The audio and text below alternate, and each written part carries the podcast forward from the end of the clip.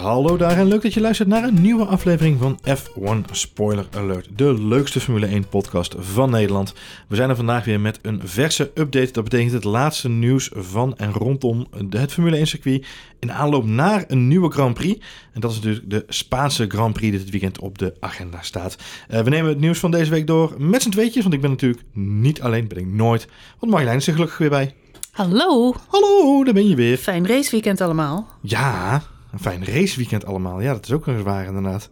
Het is zover Marjolein. Maar het leukste nieuws van deze week kwam natuurlijk al in het midden van de week op een zonnige, regenachtige, sneeuwachtige, toen weer zonnige, toen weer bewolkte woensdagmiddag was daar het nieuws. Romain Grosjean gaat testen voor Mercedes. Ik dacht heel even dat uh, iemand uh, weer heel creatief met Photoshop was geweest. Uh, ik, weet, af en toe, ik zit op Instagram, volg ik natuurlijk alle coureurs. En soms weet ik niet meer wat echt is en wat nep. Vorig jaar waren er bijvoorbeeld ook heel veel plaatjes in omloop van um, Seb Vettel in een groene overal. Nog voordat hè, bekend werd dat hij over zou stappen.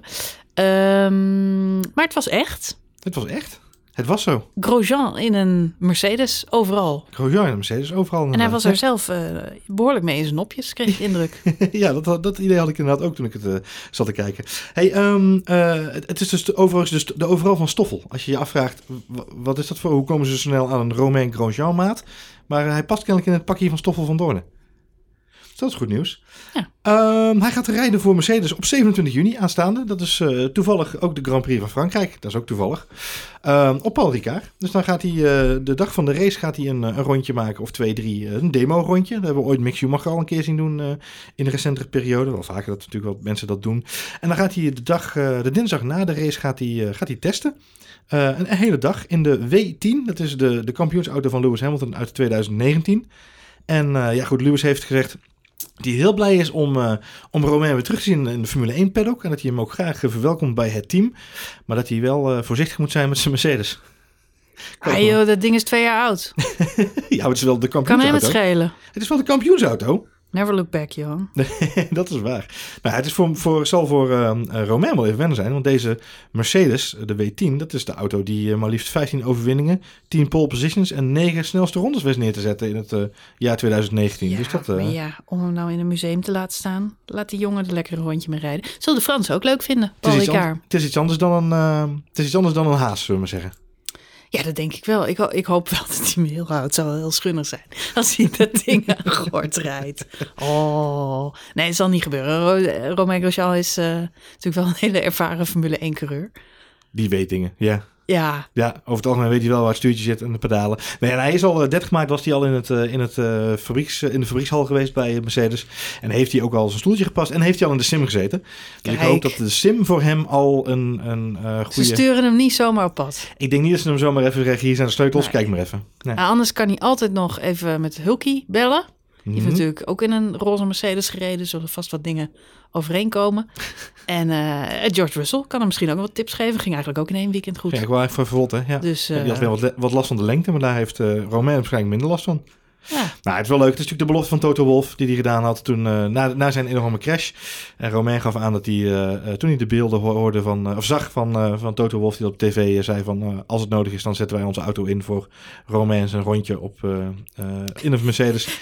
Zei, als dat nodig is, als dat nodig ging, hing gelijk aan de lijn bedoel je? Ja, precies. Dus het Romain, is nodig. Romain heeft gelijk met voice dial, want hij had toen nog zijn vingers natuurlijk in de 6 kilo tape zitten. Maar hij heeft gelijk met voice dial heeft hij Toto gebeld. Hallo Siri, bel Toto. Ja, precies. Dus bel dat, ook, hè? Ja, Goed. En door. Dus dat. En door. Nou ja, nu we het toch over uh, Mercedes uh, en, en gebruik maken van de kennis die er is hebben. Mhm. Mm -hmm. Vandaag groot het nieuws. Red Bull is lekker bezig. waren op LinkedIn al druk bezig.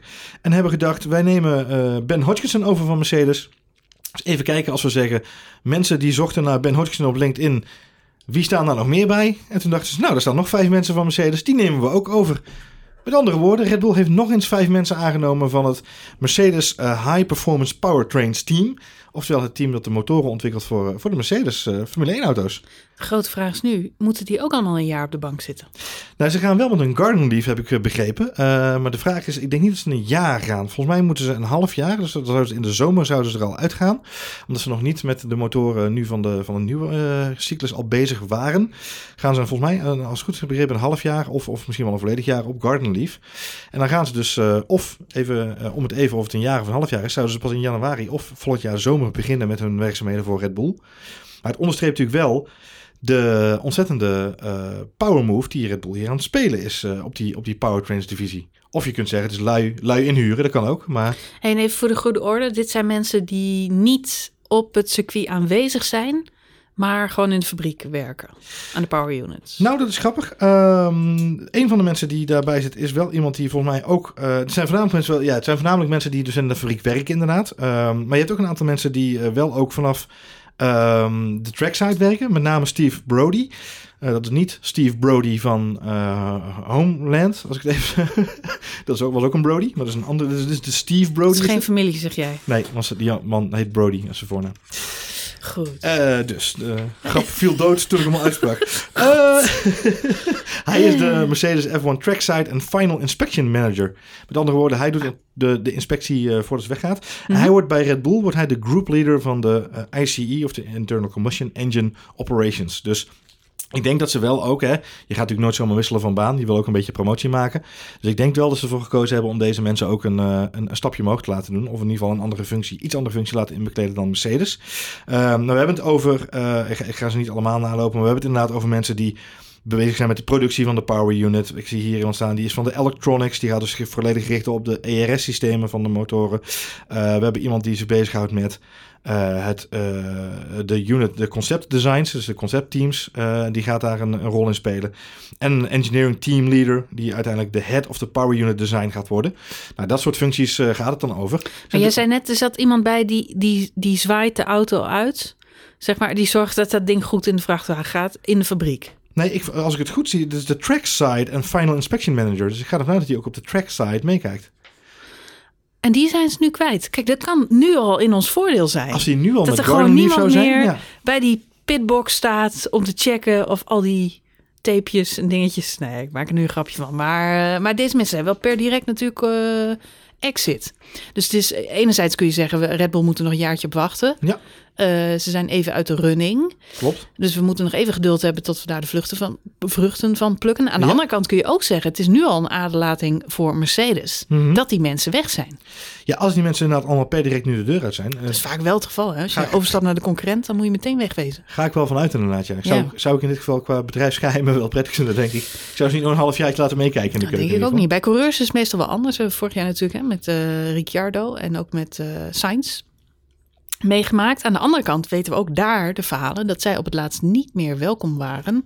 Bij bij, be- bepaalde... bij bepaalde technische meetings. Nee, ja, je kunt de coureur niet zomaar eh, eruit schoppen als hij nog een jaar te gaan heeft. Maar bij engineers eh, gebeurt het volgens mij wel. Ja, het is een hele, hele gekke situatie, hè, waarbij we... eh, want dit zijn natuurlijk twee teams die van, van heel ver komen. Mhm. Eh, we zaten net al even voor de uitzending een beetje terug te kijken. Eh, eigenlijk, als je het helemaal terug gaat zo voeren, komt, komt Mercedes, als je teruggaat in 1999, hè, want Red Bull Stewart was dat eigenlijk ooit vroger. Nou, in die tijd had Ja, je dan... Stu- je had Stuart. Dat ja, was, Stewart en BAR, dat waren eigenlijk... bij BAR was, jij zei terecht, dat kwam voort uit Tyrell. Tyrrell, sorry. Tyrell. Ja, Tyrell. Goed zo, Johan.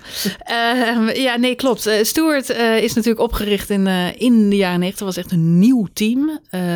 Ik, moet, ik kan me in die, die tijd herinneren. Het was onder andere de auto waar Barrichello trouwens in zat. Witte auto met zo'n Schots ruitje er ook op. Kwam niet uit een ander team. Jackie Stewart had daar best wel zijn bedenkingen bij. Hij wilde dat eigenlijk ook liever niet. Hij zat in andere raceklasses, was hij wel actief. Maar Formule 1 moet je echt van goede huizen komen, wil je dat tot een succes maken. Dus Stewart heeft niet lang bestaan in de Formule 1, werd uiteindelijk Jaguar. En is daarna Red Bull geworden. Ja, Uh, dat is eigenlijk de, de Ja. ontstaansgeschiedenis van Red Bull. Eh, wat jij terecht zegt, Tyrrell, dat is de, ja, de origine van team Mercedes. Ja. En Tyrrell heeft daar eh, lang eh, gezeten. Jackie Stewart reed overigens bij dat team in, in zijn meest succesvolle jaren. Eh, jaren negentig heeft eh, eh, Jos Verstappen daar natuurlijk ook nog eh, gereden. Zo'n wit met lichtblauw, donkerblauwe auto. Kan ik me ook nog herinneren. Een beetje zo'n Finse look, was best cool. Ehm, maar dat is eh, op zeker moment BAR geworden. En BAR, dan moet ik toch vooral... eh, ja, enerzijds Jacques Villeneuve eh, heeft daar nou een tijdje rondgelopen. Maar vooral aan de, de succesjaren van Jensen Button terugdenken. Die daar ja, mooie dingen heeft gedaan. Maar ja, zoals jij terecht zegt, uiteindelijk is dat dus nu Mercedes geworden. Ja. We moeten wel eerlijk zeggen dat beide teams... ja, in de begintijd natuurlijk helemaal niet succesvol waren. Als je dat vergelijkt met... ehm, eh, ja, nou, Tyrrell natuurlijk wel, maar dat Ja. is echt... Hè, dus, vergelijk echt het een beetje met Williams. Die zijn, ja. ja, die zijn even helemaal weggezakt. Aan het eind, Tyrrell was echt geen goed team in de tijd dat ik Formule 1 keek, in elk geval. Ehm, en eh, ja, het is knap dat dat nu eigenlijk de twee topteams zijn Als je, geworden. als je in de teletijdmachine zou je- stappen en je ja. zou inderdaad zeggen 1999 tegen de mensen van BAR en van Stewart. Hey, over 21 jaar, eh 22 jaar zijn jullie eh, de absolute top van de Formule 1 en vechten jullie samen om het personeel van motor, eh, voor, om motorgerust te maken. Dan denk ik dat ze je vreemd hadden aangekeken. Nou, waren ze bij Williams en bij Benetton Renault en bij, eh wie hebben we nog meer? Ferrari. eh Ja. hadden ze daar gek van Gek van opgekeken opgekeken, als je dat eh, in die tijd had Wat gezegd. ook wel een verbindende factor is, is Honda in dit verhaal. Want dat was ook nog een kleine kwinkslagje wat we net zagen inderdaad. Want BAR, dat, waar we het al even over hadden, dat werd natuurlijk uiteindelijk ook BAR Honda. En dat Mhm. werd uiteindelijk ook Honda, Honda. F1. Ja. Eh, en ja, goed, we weten allemaal dat dat uiteindelijk Brown GP werd. En toen kwam Mercedes in play. Mhm, Eh, mhm. eh, maar uiteindelijk, de verbindende factor is dan toch Honda weer. Hè? Van Honda naar Mercedes. Van Honda naar Mercedes en weer terug. En weer terug. En weer terug. Hey, personele issues bij, eh, bij Mercedes is een leuk eh, om even op door te kabbelen, nu we er toch zijn. We zijn nu toch even in het personeelsbestand van Mercedes aan het roeren. Dat gebeurde eerder deze week ook al een beetje op een minder subtiele manier eh, door de Britse, ja moet ik zeggen, krant Marjolein. Moet ik een krant noemen? Jawel, ja, The, The Guardian. Kwam natuurlijk met een, met een flink stuk, oh, Daily Mail, sorry, kwam daar als eerste mee. Ehm Daily Mail Dat, een dat, stuk... dat weet ik niet of je dat een klant Nee, moet precies, de Daily Mail. De, Ik- The ik zeg- Guardian ik zeg ook The Guardian, dat is een goede kant inderdaad. platform. Ik ben Lekker vandaag met de referenties. Ja, ik zit gaat er goed lekker in jouw eh, Engelse, jouw Britse ik, mijn. Britse eh, uitspraken en, vandaag, en eh, feiten zitten lekker op rijtje. Mensen, ik- het is een beetje een hectische week geweest aan deze kant van de microfoon. Dus het kan soms zijn dat wij wat dingen door elkaar heen gooien. En met name aan mijn kant. Ehm, eh, Gelukkig luisteren er geen Engelse, joh. Nee, dus en, zij en, je vergeven. en daarnaast kun je gelukkig door, door de, de microfoon mijn wallen aan slaapgebrek niet zien nu. Dus dat is fijn. oh. Ah, nee, eh, de Daily Mail natuurlijk, die bedoelde ik Marjolein, dankjewel. Ehm de Daily Mail kwam met het gerucht dat Valtteri Bottas nog dit seizoen vervangen zou gaan worden door George Russell, omdat de twijfels rondom zijn capaciteiten bij Mercedes ja, eigenlijk met de race begonnen toe te nemen. Ik vind het best knap dat ze dat na drie seizoenen toch langzaam maar zeker beginnen te zien nu, dat hij eigenlijk geen match is voor Lewis Hamilton. Dus dat ja, zegt wel wat. Ehm, Bottas heeft vandaag gereageerd in de pers en die heeft gezegd, nou, dat is gewoon complete bullshit, letterlijk en figuurlijk waren zijn woorden. En hij voegde daar rustig aan toe dat, eh, ja, ja, Mercedes, wij doen dat soort dingen niet. Er is maar één team in de Formule 1 dat besluit om halverwege het seizoen misschien coureurs om te wisselen. En dat zijn wij niet. Nou, toen deed hij zijn handschoentjes weer aan Hm. en rende hij weg. Oh, ik dacht dat de gloves juist off waren. Nee, ik denk dat bij Bottas is het altijd zo'n momentje dat hij dan even vuur. Feisty. De whom it may concern. Ik ga de rest van het seizoen niet presteren. Ik, ik heb zo'n, je kunt het niet zien, want het is een podcast, maar Nee. ik maak zo'n klauwhandje. Zo, raar. Ja.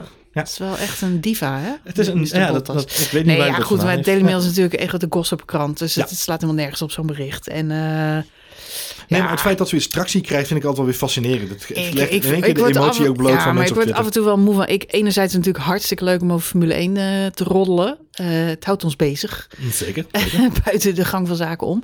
Alleen, eh, ja, waar je, je hebt het wel over, over mensen onderaan de streep. Ja. En, eh, en ik kan best voorstellen dat eh, een Bottas, eh, maar ook andere coureurs, het gezeik af en toe helemaal beu zijn. Ik begrijp zo'n Sebastian Vettel wel, die eigenlijk altijd heel bewust zichzelf een beetje buiten die social media, media heeft gelaten. Of je moet Kimi Räikkönen zijn die er gewoon echt totale scheid aan heeft en helemaal niet op reageert. En daardoor een soort ja, icon is geworden en ook eigenlijk amper nog slack krijgt. Ja. Maar ja, eh, Max Verstappen kreeg deze week ook flink van langs. Met name in de Engelse pers. Ik heb veel journalisten gelezen, maar ook heel veel Engelse fans en reacties op motorsport. Uh, zeker naar aanleiding van uh, de reacties vanuit zijn team. Afgelopen race, Helmut Marco, Christian Horner, hijzelf. Veel met, nou, met name Marco, die heeft natuurlijk na afloop gezegd... we zijn nu pole position kwijtgeraakt, we zijn een raceoverwinning kwijtgeraakt... en we zijn de snelste ronde kwijtgeraakt door die verdomde track limits. Mm -hmm, um, nou, er staat er een motorsport deze week een heel artikel. Uh, het, enige wat, ja, het enige wat in de toekomst moet veranderen... dat zijn niet de track limits, maar dat zijn de fouten die Max Verstappen maakt. Ja. Met andere woorden, je hebt twee kampen. Je hebt de mensen die zeggen, ja, uh, track limits moeten we misschien wat aan doen, want het begint wel verwarrend te worden. Max Verstappen heeft dat trouwens vandaag ook weer herhaald in een persconferentie. Hij zegt wat vervelend is, is dat ze steeds verlegd worden, dat het soms helemaal niet duidelijk is. Zeg nou gewoon, het is bij een curb wel, of, of, of leg er grind achter. Hij zegt, dan is het gewoon helder. Hij zegt, maar die witte lijnen, op de ene baan is het wel een track limit, op de andere niet. Het is gewoon voor de coureurs verwarrend. Uh, een van de dingen die hij heeft meegemaakt, nou, dat, dat was iets wat de ene dag wel gold, de andere dag niet. Afgelopen race hadden we nog Perez, die, uh, die wordt ingehaald. Dan is het geen track limit. Als Max Verstappen snelste ronde pakt, is het wel een track limit. Dus ik snap, ik snap Max ook wel. Um, ja, en aan de andere kant, ja, dat gaat dan best wel hard tegen hard. Want de andere mensen, die Engelsen, die, zijn, die hebben gewoon zoiets van... ja, maar Max Verstappen, hè, die maakt alleen maar fout op fout op fout. En ja. die moet gewoon dus leren zijn mond te houden... en niet meer over die lijnen te rijden, want dat doet de rest ook niet. Hm. En dan denk ik, ja, grote waffel. Uh, maar Lewis Hamilton, eerste race van het seizoen... 14 ronden achter elkaar over die track limits heen. Ja. Mocht ook niet, alleen is hij mee weggekomen. Ja achteruit de gymbak uitrijden. Mag eigenlijk ook niet. Is hij ook mee weggekomen. Dan ga je met je grote mond over uh, je aan de regels houden. Dus nou goed. Uh, lang verhaal kort. Ja, er is een hoop gezeur in de wereld, Johan. Een hoop gezeur. Ja, Laat die jongens gewoon racen. Kijk, het is heel simpel. voetbal je moet, inside wel. Je, je, moet bepaalde ploys, hè, niet jackploys, maar ploys, uh, ideetjes die er zijn... En, en, en balletje erop geworpen worden door teams... om die discussie gaande te krijgen... Ja, dat is het grappige. Ik vind, het, ik vind dat in dit geval van Helmut Marko vind ik dat een heel grappig en heel specifiek voorbeeld. Waarbij, en dat is ook hetgeen wat ik misschien wel bij Bottas bedoel in dit geval, is er worden proefballonnetjes losgelaten door deze en gene om te kijken hoe daarop gereageerd wordt. En ja. Helmut Marko, het enige wat hij doet is die, hij gooit hem erin. Hij weet dat hij de boeman is van deze hele discussie. Misschien dat hij het ook wel maar voor, voor een kwart zal menen wat hij gezegd heeft. Maar hij weet dat hij daarmee de boel op scherp zet. Hij zet de discussie op scherp. Hij zet de mensen in de paddock op scherp. En hij zet de journaaien op scherp. En het enige nadeel is in dit geval dat de journalisten van dienst in dit geval niet helemaal in staat zijn om het filter toe te passen en zich te realiseren dat het niet zozeer gaat om het zeuren van Verstappen of Helmut Marko of Christian Horner. Maar om de bredere discussie, hoe zorg je ervoor dat dingen duidelijk blijven? We hadden daar in, de, in onze review van de Portugal race uh, best wel ook wel even over gehad. En zeiden ook al, maak het gewoon heel transparant voor mensen, heel duidelijk en heel zichtbaar. Of, of het nou aan het begin van het weekend is of aan het eind, of, of, op zaterdag, maakt niet uit. Maar zorg dat iedereen weet wat de regels zijn, en ook de coureurs en ook de mensen thuis. Dan is daar ook geen ruimte voor discussie. En ja, het, is, het lijkt wel zo alsof we elk jaar, en de, deze terugkerende items komen binnen onze podcast, maar ook in, in, de, in de journalistenpool. van de onduidelijkheden die de regelgevers, regelmakers scheppen voor ons. Nou ja, dat, dat is gewoon heel erg jammer. Ik denk dat dat ook hetgene is wat nu bij Bottas gebeurt. Uh, die krijgt een opmerking in de pers. Dat is een, een ballonnetje van iemand geweest. Het is wel degelijk iets wat uh, niet zomaar ontstaat. Dat wordt ergens uh, gevoed. Waar ook is, is uh, niet altijd vuur, maar er is wel iemand die probeert om vuur te maken. Um, en ik denk ook dat het verbod als nu geldt. Dat het gewoon iemand is die gewoon als we kijken is. Hoe reageren mensen erop? En ja, dat zie je ook online wel terug. Dat heel veel mensen zeggen, nou nu pas. Of hè, het zou eens tijd worden. Het is ook puur, het lijkt wel een beetje goedkoop pollen soms. een beetje een goedkope steekproef. Um, maar ja, dat, weet je, dat, dat hoort een beetje bij de sport. En aan de ene kant, precies wat jij zegt, het is soms ook iets te veel goede rijders, slechte rijders. Um, het zou wat minder soap mogen zijn en wat meer uh, gelul, uh, minder gelul en meer actie. On, en als het dan geluld wordt, wat meer over de inhoud en wat minder over de, de gevoelens van de mensen. Overigens ben ik het wel met Max eens hoor. Ik vind helemaal niks, die track limits. Nee, ja, ja, goed. Uh, Waar zitten we nou naar te kijken, joh? We hebben het over autoracen. Ja. Leg een curbstone neer, of een grindbak, of een grasveld. Maakt mij het uit. Ja. Laat die jongens racen. Maar serieus, we hebben het over een lijntje waar dus asfalt nog gewoon achter ligt. En daar mogen ze dan niet overheen. Want track limit, met andere woorden, als daar iets vets gebeurt... of er wordt een ronde aangescherpt dat ze dat breed pakken... of er wordt iemand ingegaan, dan mag het niet. Kom op zeg, ik vind het hm. echt geneuzel. Leg dan gewoon een curbstone neer. Dan kan het niet. is toch simpel? Ja, nou, dat soort dingen lijken me vrij duidelijk inderdaad. Dat is, ja. toch, dat is toch hoe race... Moet je je voorstellen, dat is in de jaren 70, jaren 80, jaren 90 zelfs... dat ze gezegd zouden, track limits. Het voelt als een soort dwangmatig IoT-experiment. we, zijn, we, We, zijn hebben sensoren, we Ja. hebben sensoren en we hebben technische sponsoren, dus we moeten er iets mee. Nou, het zou zomaar kunnen zijn dat dat ook nog de achterliggende gedachte is. Je weet het maar nooit. Je weet het, Het is allemaal verkocht, Johan. Het draait allemaal om geld. Het schijnt dat Bill Gates er iets mee te maken heeft. En dat hij via 5G Mind Hive Ik Control... zeggen, die heeft geld zat, maar straks niet meer. Nee, Goed. dat is weer een andere update podcast. Ehm, nee, ja, goed. Kijk, eh, eh, track limits dit weekend overigens, eh, als we vooruit gaan kijken naar Spanje, zijn er ook weer track limits. Maar met name in bocht 2, als je die dus niet haalt, dan moet je echt een hele omweg rijden. En ook in bocht 10, die nieuw is, hebben ze een uitrijstrook. Maar die is er ook alleen als je de apex niet haalt. Ehm, en, en er zou volgens mij nog wel in de aanleiding van de drivers briefing nu een, een aangescherpte track limit kunnen komen. Maar dat horen de coureurs Toch op, joh. Ik, pas. echt, ik luister al niet eens meer. Nee joh, afgehaakt. Treklimits, joh. Alsof je het over de spitsstrook hebt. Jij, Nou, jij, goed. zegt, jij hebt jouw track limit limit bereikt. Ik heb mijn tracklimit limit bereikt. Echt check. beyond the limit dit. Wat Ik zeg, eh, no, no, no, no track limits. Eh, ik zie Max nog inhalen op Kimi Räikkönen daar in Amerika. Zal ik nooit vergeten. En ik vond het zo'n vette actie. Ja. En die gast werd ervoor van het podium geplukt. En toen dacht ik, Jezus Die Christus. bandjes buiten de baan. En daar, daar moet ik elke keer aan denken. Ik denk, jongen, sommige dingen zijn gewoon vet. En die zien we niet meer door die, door die al die regels. En ja, Max gaat af en toe over het randje. Maar ja, dat heeft hij vandaag in die persconferentie ook gezegd. Hij zegt, joh, je kunt het twee kanten bekijken. Ik hou me niet aan de regels. Dat klopt. Hij zegt, maar ik probeer wel over het randje te gaan. Omdat ik op autotechniek op sommige squeeze de Mercedes niet kan bijhouden. En ik ga liever over het randje in een poging toch nog eerste of tweede te worden. Dan dat ik altijd tweede of derde ben. Nou ja, en Dus het ik begrijp daar hem is ongelijk in. Nee, dat doe ik niet. Nee, kan niet. Kan niet. Is onmogelijk. Tja.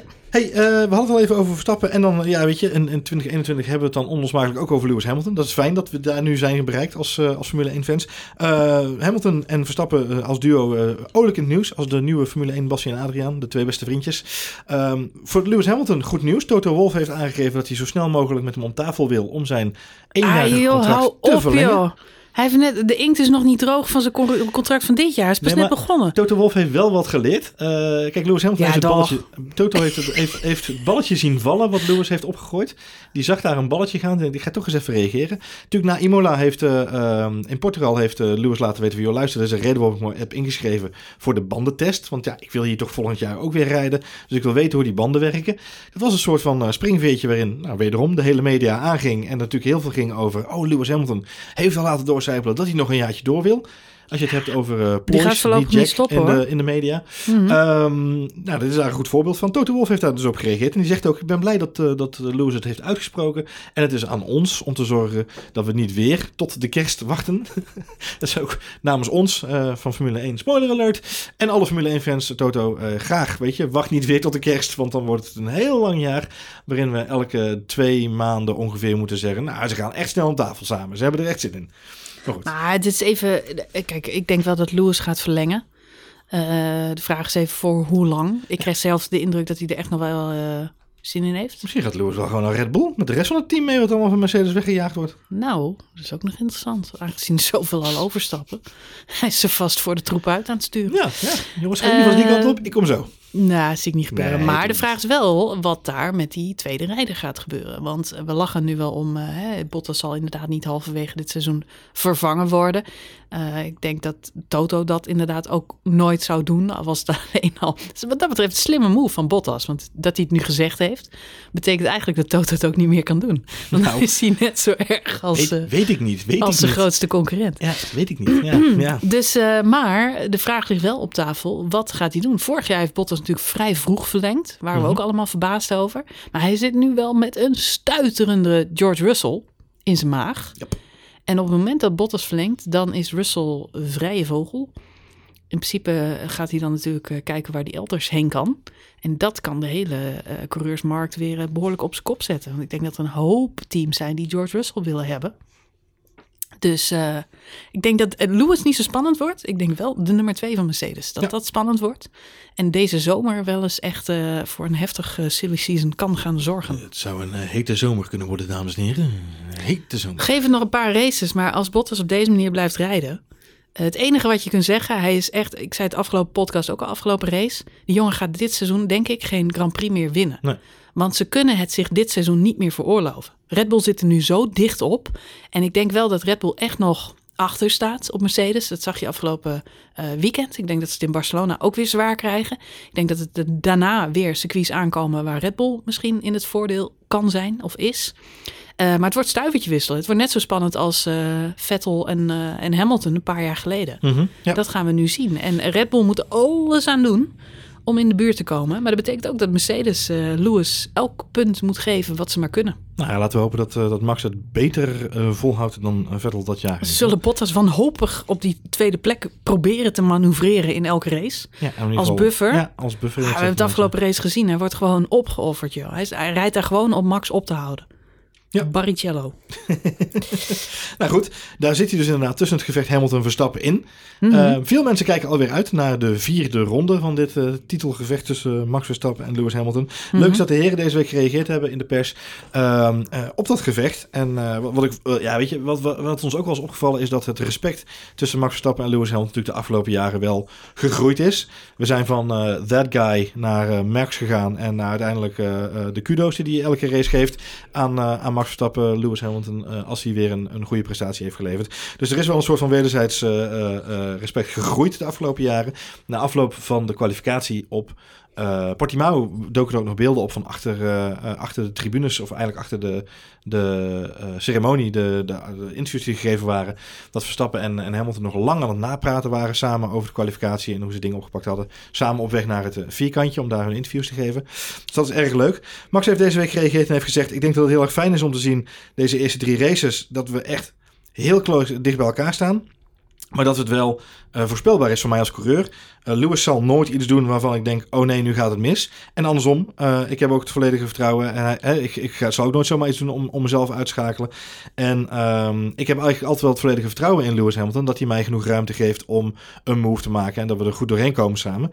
En anderzijds, ja, zegt Lewis Hamilton hetzelfde. Die zegt: ik heb, ik heb dat vertrouwen ook wel. Uh, ik denk dat uh, we alle twee heel, heel stevig de duels ingaan, maar dat we nooit over het lijntje gaan. En dat maakt het uh, mooi om naar te kijken. fantastische manoeuvres van een fantastische coureur. Zo heeft, van fantastische coureurs, zo heeft Lewis Hamilton dat gezegd. ja, vind ik leuk om te horen. Dat ze in ieder geval wel al erover hebben dat het soms heel stevig is. Want dat hebben we natuurlijk allemaal wel gezien. Met name denk ik Imola. Zaten we met z'n allen redelijk op het puntje van onze stoel in die eerste bocht.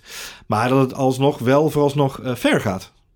Ja, uh, eens. Het is wel opvallend dat ze hun kaart op die manier op tafel leggen. Alhoewel het natuurlijk redelijk obvious is. Het is een beetje, uh, ja, het is een beetje open poker. Dat is vaak gezegd, hè? bijvoorbeeld Leclerc. Dat is echt een, uh, een risicootje om die in te halen. Daarnaast maakt hij het uh, knap lastig.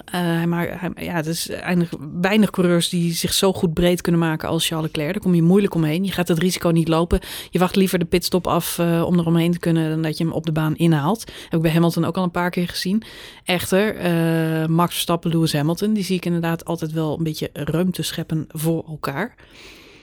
Uh, dus ja. Het is wel iets wat gegroeid is de afgelopen jaar, heb ik het idee. Want ik weet wel nog dat we, uh, volgens mij is het twee seizoenen geleden. Want vorig jaar hebben heeft natuurlijk Max ook gewoon een dijk van een seizoen gedraaid. Maar het jaar daarvoor, 2019, was volgens mij dat notoire interview met Vettel en uh, Hamilton. Waarbij Hamilton en Vettel natuurlijk altijd lieten weten. Bij Max weet je het nooit. Hè? Je houdt altijd een beetje extra rekening met Max Verstappen. Anderhalve auto in plaats van een auto. En was een beetje de ginnegapperij tussen Vettel en Hamilton op dat moment. Je ziet wel dat in, in eigenlijk we het even voor het gemak zeggen, anderhalf jaar tijd. Lewis Hamilton uh, dat respect heeft gekregen voor Max Verstappen. Maar dat heeft Max Verstappen natuurlijk ook afgedwongen met zijn enorme constant, constante prestaties uh, op de baan. Max, Max, is daar constanter in geworden. Hij, iets minder onbezonnen. Ik denk dat hij, nou, eh, vergeet niet, hij was 18, 19 jaar. Toen hij voor het eerst uh, tegen die gasten aan het racen Echt was. strijd kwam, ja. Ja, ja dus hartstikke jong. En wat, wat zeg je dan over iemand die zo talentvol is?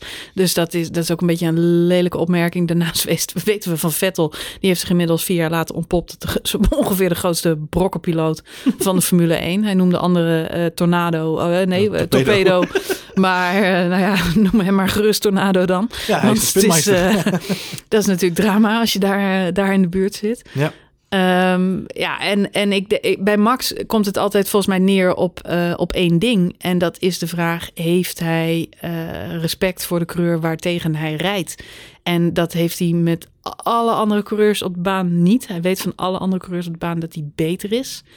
Ehm, echter, voor Lewis Hamilton heeft hij wel een bepaalde vorm van respect. Komt natuurlijk ook omdat hij zeven keer wereldkampioen is. En zich heus wel realiseert, die gast is geen pannenkoek. Nee. Uh, ik denk wel dat Max in zijn hoofd denkt van, ik ben beter. Ik kan hem hebben.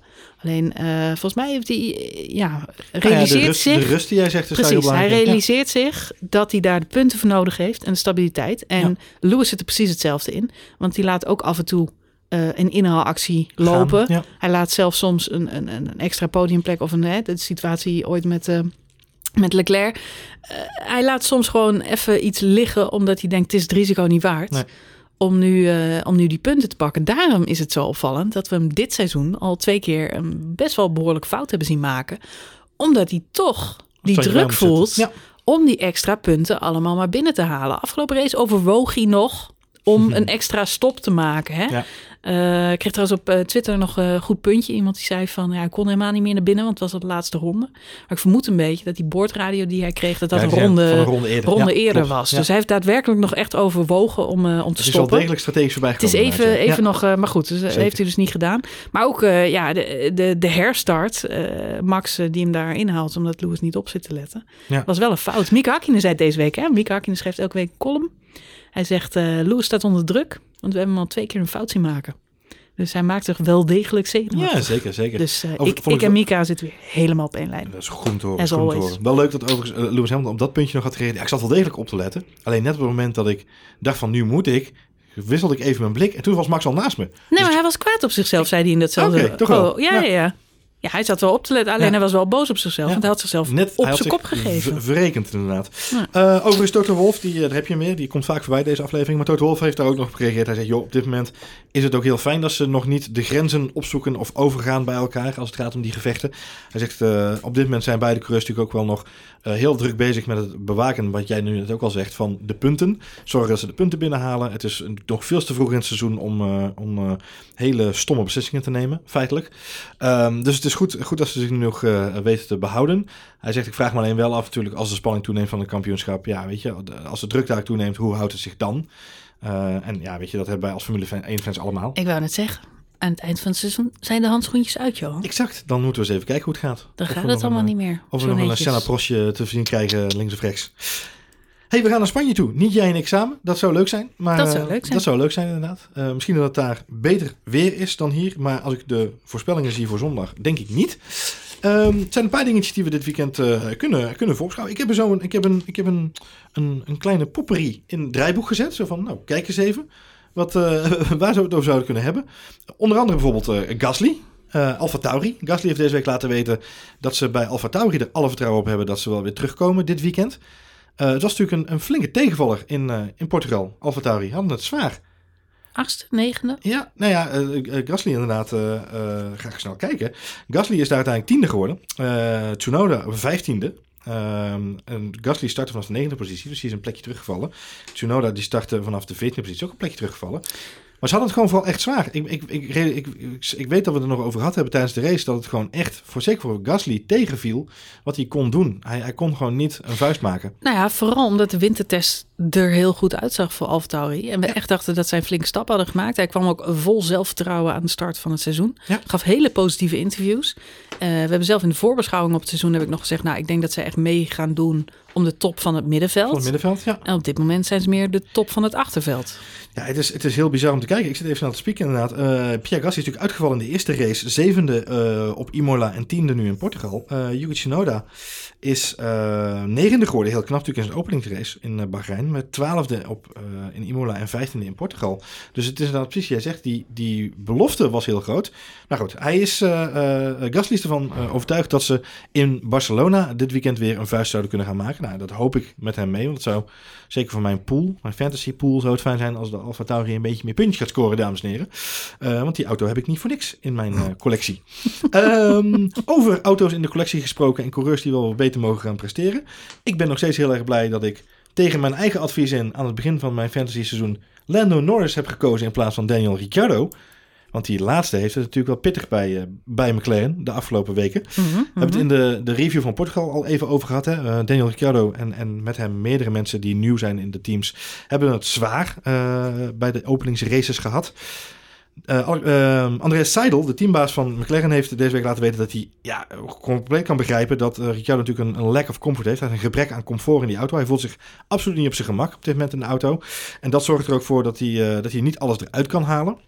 Hij heeft het gevoel dat hij constant op het scherp van de snede moet rijden met die auto. Dat hij constant overal op moet letten. En volgens mij, ik heb het opgeschreven omdat ik me ook realiseerde dat jij dat ook al zei. Dat het Daniel Ricciardo's eigen uitleg was na afloop van de race in Portugal. Mm Dat hij daar ook inderdaad zo moe was van de race dat hij ja, eigenlijk constant op, op uh, 110% had moeten racen. Nou, wat hij daar in een interview zei, dat is dat hij nog niet op de automatische piloot rijdt op nee. dit moment. Hij is nog te veel in het na aan het nadenken als hij in de auto zit. Denk je dat uh, Ricciardo, want het, het, het het vervelende van, van uh, het leuke van Barcelona en het vervelende van Barcelona is dat, weet je, elke millimeter van het asfalt zit zo'n beetje in de computer van de, van de teams. Hè. Ze hebben de data tot en met vanwege alle wintertests die daar natuurlijk altijd al plaats hebben gevonden. Denk jij, de coureurs hebben bakken met ervaring opgedaan daar de afgelopen jaren. Zeker een, een Daniel Ricciardo, hè, om als voorbeeld te noemen, of een Pierre Gasly. Denk jij dat uh, het voor Ricciardo daardoor makkelijker wordt dit weekend om wat meer ja, relaxed te gaan rijden? Mm. Wat meer op die automatische piloot, zeg maar? Dat het dat wat makkelijker gaat? Ja en nee. Ik, uh, ik zie wel dat alle coureurs in een nieuwe auto nog datzelfde probleem hebben. Mm -hmm. uh, kan ook trouwens spannend zijn voor volgend jaar, als helemaal nieuwe auto's komt. Misschien heeft iedereen dan een probleem aan het begin van het seizoen. Nee, ja, je zou verwachten. Ja, Portimao is natuurlijk sowieso een gek baantje. We zagen vorige week dat Max daar ook heel erg problemen had. Mm -hmm. Toen hebben we het nog even gehad over, komt dat nou omdat hij dat niet van kinds af aan al... Uh, uh, op de, de game of de, of de simapparaten uh, aan het spelen is, kan meespelen. Mhm. Um, bij Spanje is het natuurlijk tegenovergesteld. Want iedereen kent die baan van haven tot gort. Maar ja, het gaat wel om hoe je je auto van links naar rechts smijt. En het valt mij toch, ja, sommige, met name die jonge gasten, die lijken daar geen ja, amper tijd voor nodig te hebben. Ja. En uh, ja, meer nadenken over dingen. Dat is niet alleen een, uh, een, een, nieuwe werkgever in dit geval, van een nieuwe auto. Meer nadenken is ook iets wat met de jaren komt. Hè? Ja, ik wou zeggen, dus is dat ik je, beginnen de jaren ja, te precies. tellen. Goede kop voor een stuk op de Daily Mail. Voor Daniel Ricciardo. Want die uh, ja, begint toch een beetje moeite te krijgen om erin te komen. Zou, maar, zou je dan de Daily Mail doen of de Guardian? Ja. Nee, dit is een typische Daily Mail headline, Johan. Ik verzin hem gewoon gratis en voor niks. Ja, ik zou hem gewoon even... Ik, zal hem, ik zet hem in de verkoop. Ja. Dat, uh, ik, ik zou hem oppakken inderdaad. Nou, het is te hopen dat hij uh, de geweten hervinden. Zijn prestaties in de eerste races zijn uh, ook niet tranentrekkend, hè? laten we eerlijk zijn. Zevende, zesde en een negende plek. vorig weekend was natuurlijk heel opvallend met een dramatische kwalificatie voor hem. Waarbij hij in de eerste ronde er al uitvloog. Maar feitelijk 7, 6, 9 is geen, geen tegenvallende prestatie. Wel als je natuurlijk beziet in het licht dat Lennon Norris keurig uh, de posities 3, 4 en 5 nu heeft volgemaakt in zijn uh, eerste drie races. Nog steeds staat McLaren gewoon derde in het kampioenschap. Uiteraard. En, uh, en met een behoorlijke voorsprong op, op de rest. Dus en dat, Lennon Norris derde in, ook in het kampioenschap. Ook in het kampioenschap, ja. Dus dat is dus vooral aan hem te danken. Er is wel een... het is geen slechte auto. Van. Dus Daniel, nee. je kunt hoog laag springen, maar je moet wel aan de bak nu. Je hebt drie races zeggen, kunnen ja. oefenen. Ja. Uh, crunch time. Het excuus is niet de auto in dit geval. Nee. Aan de bak. Viermaal is scheepsrecht in dit geval. Kom op. Hey, over goede auto's en uh, excuses en, uh, en redenen achter prestaties gesproken. Um, wij hadden het in de, in de race van Portugal heel veel over. was dit nou een, een echt een hele goede Mercedes? Is Mercedes dichterbij gekomen of had Red Bull gewoon echt een dramatisch weekend? Was een beetje de outtake die we in onze race review van Portugal hadden. Um, dat bleek uh, ook gedurende de rest van de week nog wel een vraagpuntje te zijn, een vraagtekentje te zijn, uh, uh, ook in de media en op, op social media. De geleerden zijn het nog steeds niet over eens. dat is altijd leuk als daar discussie overheen is. Maar wat wel iedereen ook terecht zegt, en wat wij ook zeiden in onze, in onze podcast, is dit weekend moet wel een beetje de showcase worden van hoe dicht is Mercedes nou echt bij Red Bull? Of andersom, hoe dicht is Red Bull bij Mercedes gekomen? Want dat is natuurlijk de vraag die er rijst. Nou, dat moet dit weekend eigenlijk al duidelijk worden. Uh, wat is nou het verhaal een beetje? Uh, uh, veel mensen hebben aangegeven uh, in hun analyses voor je luister. Het, het circuit in Portimao is hoogte-laagte. Is natuurlijk een achtbaan, wat jij net ook al zei. Echt een achtbaantje. Maar kent ook best wel veel lage snelheidsbochten. Dit in tegenstelling tot nu Barcelona dit weekend, waar de hogere snelheidsbochten wat meer in zitten. En dat ligt de Red Bull kennelijk weer wat meer nu. Dus ik ben heel benieuwd dit weekend ja, hoe dat zich gaat ontwikkelen. Uh, bij Mercedes zijn ze er alweer druk bezig om de underdog shuffle uh, te spelen. En heeft uh, Andrew Shovlin, die we allemaal kennen uit de race reviews die Mercedes zelf altijd post na afloop van de raceweekends, de Trackside Engineer Director, die heeft gezegd, joh, het is meer van hetzelfde van dan de afgelopen drie races. Het, het, zal heel erg spannend worden om Mercedes en Red Bull het verschil te zien tussen die twee. je zult de kwalificatie niet kunnen voorspellen en je zult de race niet kunnen voorspellen, omdat we zo dicht bij elkaar zitten. En hij voegde daaraan toe, het is iets uh, wat gewoon heel erg strak en dicht bij elkaar ligt. En het is iets waar wij op dit moment gewoon ja, een beetje aan het wennen zijn. Dat zal waarschijnlijk de modus worden waarin we mee moeten werken de komende weken. Wij zijn al gewend hoor. Ja, ja toch? Ja. Ja, ik dacht het ook al inderdaad. Ik vind het wel leuk dat ze het blijven roepen bij Mercedes. Nee, maar ik denk echt dat ze dichterbij zijn. Ik, heb, mhm. ik, ik vraag me gewoon constant af waarom ze... En Christian Horner heeft ook alweer gepareerd met... Nee, ik denk dat Mercedes steeds wel een kleine voorsprong heeft. Ik, ik vraag me nog steeds af waarom deze shuffle blijft doorgaan. Ehm, maar ik, denk wel, en ik weet niet hoe jij dat vindt. Ik denk wel dat Barcelona het verschil kan maken. Omdat Mercedes hier eigenlijk altijd oppermachtig is geweest. Uh, in, het, in het hybride tijdperk anno nu. Um, op één keertje na, laten we die dan niet vergeten. Um, maar dat Mercedes eigenlijk altijd wel heel dominant is geweest. Uh, en dit dan misschien wel de showcase kan zijn waarin we echt kunnen zien... Iedereen heeft dezelfde dataset, zou ik bijna willen zeggen. Uh, Max en Lewis hebben bakken met ervaring op deze baan. Dus ja, bring it on? Vraagteken. Ze kunnen ook nog kampioen worden, hè? Barcelona. ja, dat kan ook nog gebeuren inderdaad. Ja. Oh, daar had je het niet over. Nee, had ik nee, niet. Uh, nee, ja, Barcelona kan inderdaad uh, voor beide teams uh, uitpakken. de ene, de andere kant. Ik neig zelf, ja, ik, dat is lastig. Nou, jij, jij, blijft een beetje aan de kant zitten van Mercedes heeft gewoon nog wel een lichte voorsprong. Heb ik het gevoel. Ja, ja. ja want anders zou Bottas niet zo vooraan rijden. Hmm. Bottas is geen uh, topcoureur, punt. Maar dus, denk je dat uh, Bottas... Dus jij zegt eigenlijk... Uh, Sergio Perez in een Red Bull zou beter moeten zijn dan Bottas in een Mercedes. Dan hebben we... dan pas zien we dat... Ja. Ja, dat is een Helemaal, beetje... Dat, dat is, jouw, dat is jouw reflectiemateriaal. Dat. Yes, want op dit moment zie ik Max Verstappen... die nog steeds veel meer uit zijn auto haalt... dan al zijn vier teamgenoten van de afgelopen drie jaar. Mm -hmm. Nou ja, eh, noem mij één ander team waarin dat zo evident is. Uh, behalve dan misschien het Haas-team. waarin twee uh, zullen we maar even zeggen, bij elkaar zitten. Williams, ja. Uh, ja, nou, Williams misschien uh, ook hetzelfde jaar, verhaal. Uh, ook Ricciardo, ja. Ja, maar je moet als Latifi ja. daar Russell inhaalt... dan zit je toch even te kijken, want er klopt iets niet. Dat bleek trouwens ook achteraf zo te zijn, hè? Ja, dat klopt. Dat was een foutje. Dus het moest, of tenminste was een teamcall... Ja. die daarna weer omgedraaid werd. Precies. Maar goed. Um, nee, ja, op dit moment denk ik dat Mercedes nog steeds de betere auto heeft. Zie je trouwens ook wel in de topsnelheid op de, op de rechtstukken. Mm -hmm. Als je in de app mee zit te kijken. Ja, um, ja het slaat net. Pa op power zijn ze sneller. En, en ook in de. Uh, het schijnt nu in de langzamere bocht dat ze dus ook daarom sneller hè, weg zijn weer, om het zo maar even te zeggen. Ja, maar want je ziet, het leuke is, je hebt nu die nieuwe data, hè? We het laatst ja, over hadden. Die dingen. Ja. Dus je hebt inderdaad hoeveel snelheid verliezen ze in, in een bocht. En wat opvalt, het is dat Max veel meer sneller snelheid overhoudt in die bochten. Ja. Wisten wij natuurlijk al, want hij moet ergens vandaan halen. Vandaan halen ja. De lange rechtstukken, daar haalt hij het niet vandaan. Nee. Dus hij haalt het uit die bochten. Hij haalt het bij het inremmen, opschakelen. Uh, krijgt hij trouwens ook over de boordradio krijgt hij nog, nog tips om dat nog beter te doen. Maar als je het vergelijkt, Lewis Hamilton krijgt de hele, weet je, daar kun je nog iets pakken, daar kun je nog iets pakken, daar kun je nog ja. iets pakken. Ik denk dat de hele grid zo'n beetje de data van Max Verstappen, Lennon Norris is er trouwens ook goed in, erbij pakt om te kijken waar kunnen we in de bochten nog meer snelheid meepakken. En daar, daar is Max zo goed in. En er zijn nog een paar andere coureurs. Leclerc kan het ook, uh, Norris kan het ook. Maar ja, dit, het zijn wel, uh, ja, er zijn een paar coureurs echt heel goed. Ik denk dat Mercedes op dit moment, die rijden lachend vooraan. Uh, omdat ze de beste auto hebben. Ze kunnen hoog en laag die underdog positie blijven claimen. Ik vind zo bullshit. Houd toch Hm. Houd toch op. Maar ja, goed. Als ze daarover hebben, hoeven ze het niet over andere dingen te hebben, Johan. True. Dat, dat is waar. Weer zo. Dat is waar. Hoeven ze niet over, over Bottas en Rut Russell te praten. Over deze week nog voorbij gekomen de, board, de boardvideo, de onboard video van Sergio Perez... die met de settings van Max probeert uh, een rondje te rijden. Ja. Uh, dat ging ook niet helemaal zoals we hoorden. Nee? nee? dat kon hij ook niet helemaal uitkomen.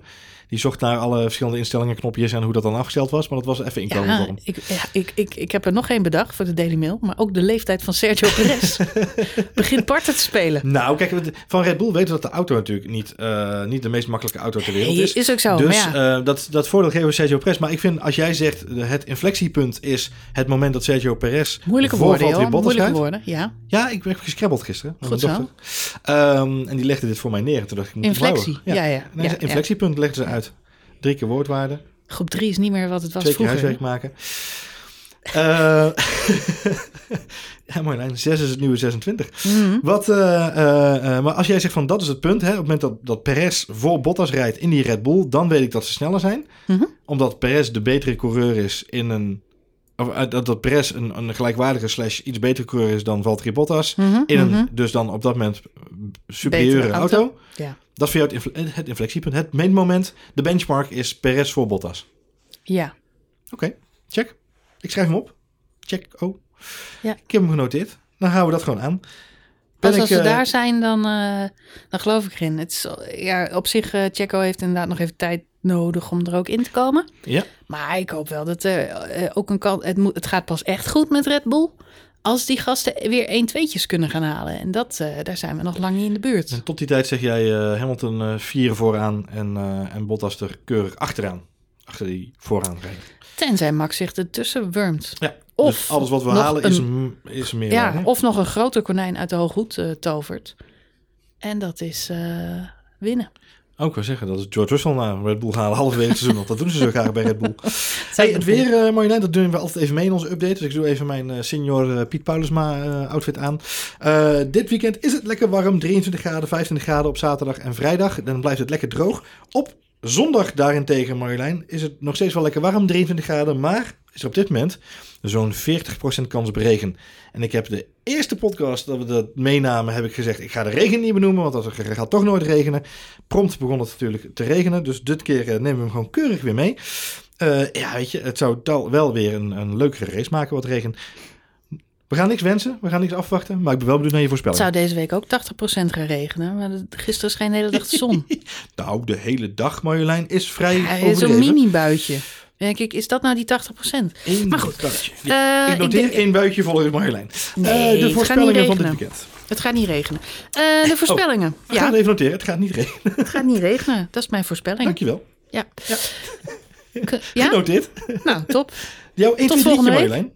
Nee? Oh. Jouw 1, 2, 3. Eh, Oh, ook nog. Even kijken. Ehm, ja, ja, ja. Weet je, ik ga toch eh husselen. Ik ga toch zeggen Perez op 1. Ja. Bottas op drie. Ja. Hamilton op twee. Ja, oké. En Max op één. Ik ga het, volgens mij heb ik dit nu al vijf jaar op rij voorspeld bij de Grand Prix van Spanje. Ever sinds Max daar zijn eerste race won in 2016. Ja. Tot nu toe ben ik elk jaar fout geweest Ja. met die voorspelling. Ja, ja. Maar misschien is dit jaar dan het jaar. We kunnen terugluisteren in onze eerste aflevering uit 2017 inderdaad. Ja, wat daar, eh, wat daar gebeurt. Nee, god, Het gaat gebeuren. Het gaat gebeuren. Ja, ik heb, ik heb helemaal niet goed. En ik heb het nog niet? helemaal doordacht. Maar ik, ik heb wel het sterk het gevoel, al is het maar omwille van eh, de, de, de, de eh, eh, synergie van het hele seizoen, dat het gewoon 1-2-1-2 blijft. Dus ik heb Max op 1. Ehm, ik denk eerlijk gezegd dat Hamilton, dat er iets misgaat, dat hij een foutje maakt, dat hij derde wordt. En dan wordt Lando Norris tweede. Kijk eens aan. Zo, Nou, dat zou een podium zijn waar ik voor teken. na mijn derde plaats voor Charles Leclerc in Portugal, die helemaal de mist in ging, ga ik gewoon nog een keer proberen gewoon helemaal geen punten te scoren in onze Fantasy GP met deze voorstelling. Ik hoop wel dat het een beetje een spannende Spaanse Grand Prix wordt. Het staat, Barcelona staat er niet onbekend. Dit is grappig. Ja. Een stukje comedy in onze podcast. Ja, leuk, een spannende? Ja. Spaanse Grand Prix. Mm, ja, goed. Gelukkig gaan we daarna naar Monaco. Dus Ja, precies. eh, Dat die hebben we vorig jaar moeten missen. Dus eh, Ja, dat is wel waar. fijn Het wel- dat we er weer zijn. Wel leuk dat we daar weer in het, eh, in Toch? het, eh, in het eh, Monaco zijn. 28 mei, duurt nog Of het spannend wordt is weer een volgende vraag. Maar we zijn er wel weer een keer. Dat is waar. Ja, nou, ze hebben een jaartje overgeslagen. Zouden ze nog kunnen? Dat is waar. Nikita Mazepin. Zou ze- ja, nee, dat wordt... Ik heb daar Die al krijgt zijn eigen circuitje, Ik heb ik heb daar al helemaal gist van gezien. Ik denk dat ze daarvoor een speciale Dan luchtbanden leggen ze een apart baantje voor aan. Precies. Nou ja, of luchtbanden. In verband met de blauwe vlaggen mag je op zijn eigen eh, circuitje rijden. Gewoon je- rondjes om het Die zwembad. krijgt, die krijgt een jetski. Om, eh, Ga jij maar daar oefenen, joh. Nikita, we hebben iets leuks voor je bedacht. Jij mag als enige van alle Formule 1-coureurtjes op je eigen circuit rijden. Het is een Urucali Formule 1 En als je dan wint, mag je op podium, krijg je een beker. Ja, we zeggen niet welk podium en we zeggen ook niet waar het podium is. Maar je mag op een podium. Die erin trappen? Zou Oh, dat lekker zijn? oh, oh, oh. Ik denk dat ze voor het geld van al die schade die die rijdt, met liefde, Zo'n beker, nee, zo'n boek, ja, inderdaad, Monaco zou een half uur of een aparte podiumceremonie en een beker uh, zouden betalen. Zeker, ik denk dat ze zelfs uh, de ik denk dat ze ook goedkoper uit zijn dan. klaarzetten ja, inderdaad. Ja, ze kunnen ze de grootste beker van de wereld je voor weet maken. Het nooit, je weet het nooit. Trophy. We gaan het zien, Marjolein, dit weekend. De Trophy Generation. Vrije trainingen op vrijdag en zaterdag, zaterdagmiddag de kwalificatie. Zondag de race. En dan zijn wij er heel snel weer met een race review, dames en heren. Daar zie ik nu alweer naar uit, want dat zijn altijd toch onderaan de streep de leukste uitzendingen om te nemen. Voor nu, bedankt voor het luisteren.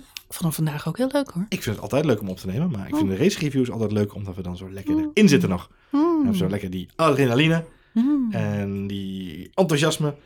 En minder gelul over allerlei roddelskis en dingetjes te spelen, maar gewoon lekker lullen over racen. Goed idee. Dus laten we dat vooral doen. Voor nu, dames en heren, bedankt voor het luisteren. Fijn dat jullie erbij waren. En fijn dat jullie tot hier al hebben geluisterd. Ehm, wij zijn er aanstaande zondag eh, weer eh, na de race met een race review. Luister je deze podcast in een app waar je een review kan achterlaten? Doe dat dan. Doe ons plezier. Sterretje, duimpjes, alles erop en eraan. Of blijf ons volgen om geen aflevering te missen. Nogmaals bedankt voor het luisteren en tot de volgende aflevering van F1 Spoiler Alert.